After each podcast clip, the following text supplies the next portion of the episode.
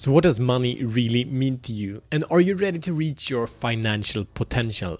So, welcome to Show the Fuck Up Minute. This is Matt Fyron, and this show is for men that are ready to free themselves from the prison of playing small and unleash their greatness.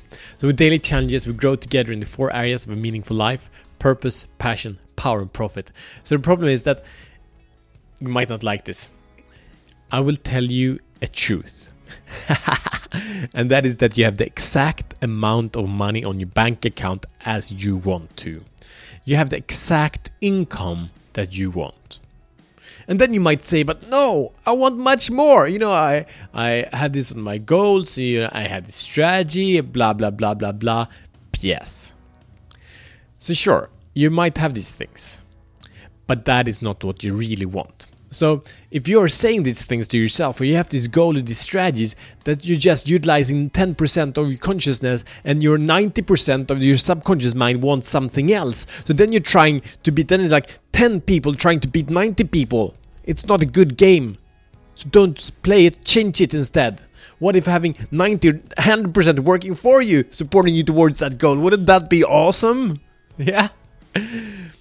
So this comes down to a quote here by Mark Manson, and it's said by many others in many different ways. The more something threatens your identity, the more you will avoid it. So again, the problem is that you have exactly the same amount of money you have because your identity states that. we build our identity in very young age with, with the people that we relate to, our parents and our teachers and other role models, right?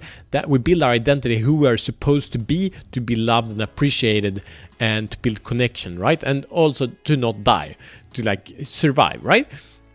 So we have this identity and money is the core of it. It's like we come down to like how was the money culture uh, when you were growing up right? How did your parents speak about money and so on? Is it was it good uh, to have a lot of money? Like my mom she basically hated rich dudes. Uh, she thought they were the evil of, uh, of of culture right? She thought that uh, all suffering came from rich dudes. So I have to work with that mindset. Otherwise, it's good. Otherwise, I will not be able to increase or scale my financial blueprint if it makes sense. So, and so by my, more, what Mark Manson also says, not, not say, but uh, to touch on that, we do everything to prove our identity. Everything. Even if it's negative, even if it's destructive, even if it's stupid, we do everything to prove our identity. So here's the solution. So create awareness of your blueprint. So we have a blueprint meaning how we relate to money. So get to know why it looks as it does and why it keeps you back from your financial potential.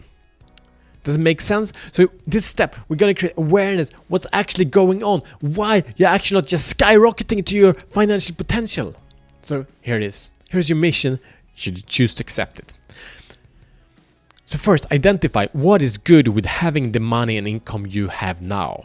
You might say nothing, it sucks. Okay, but what is good? There's some something good behind it. There's something in your subconscious mind or subconscious mind that says this is good. People having more are like this, people having less are like this. Okay. And here's the second question. If I asked uh, if I 100x my income, what parts of my identity would I have to let go of? I don't know but maybe as I said with the example of my mom, it's like uh, identity would be good people are not you know multimillionaires. Okay, that's an identity, and that comes back to if I if I would uh, have multi be multi-millionaire, my mom wouldn't love me, right? That that's actually what comes down to. So would I have to let go of any part of this identity? And it's always like that. So if you don't find an identity, dig deeper because something is holding you back. Number three, when did I first learn that I have this identity. So so it might might be like you said, oh, money is not important. When you did learn that identity. So create awareness about why you have the money you have right now in your life. That is your challenge. 24 hours, report back, commit, you know, the drill. So if you like this show, he's like, this, I'm, I'm here to show the fuck up. I don't want to play small anymore. Subscribe uh, to our show so you get notifications when next episode launch is every day. We just launched episode 50. It's super exciting. We've been on since 24th of March. We're kicking and screaming, having a good time. Uh, and I'm sure you know a man that could do better financially. So send this episode to him, challenge him to show the fuck up in his life and see you tomorrow as better men.